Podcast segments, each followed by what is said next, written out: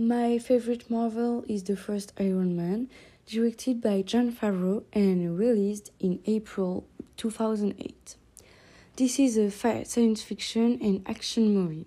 This film tells the story of Tony Stark, a famous arms dealer and a billionaire playboy.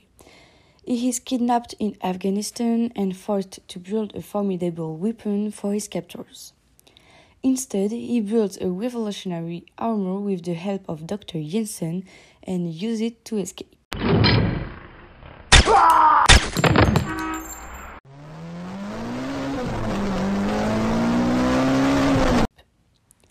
After understanding the power of this armor, he improves it and decides to use it to enforce justice and protect the innocent.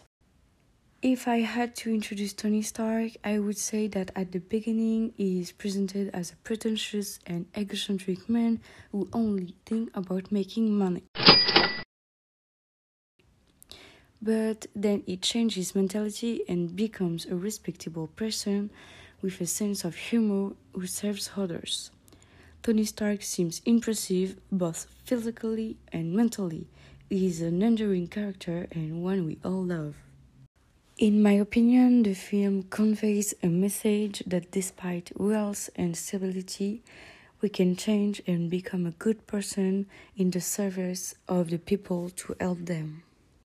To conclude, you should see this movie because I think it represents the beginning of the Marvel universe that will start to build up afterwards.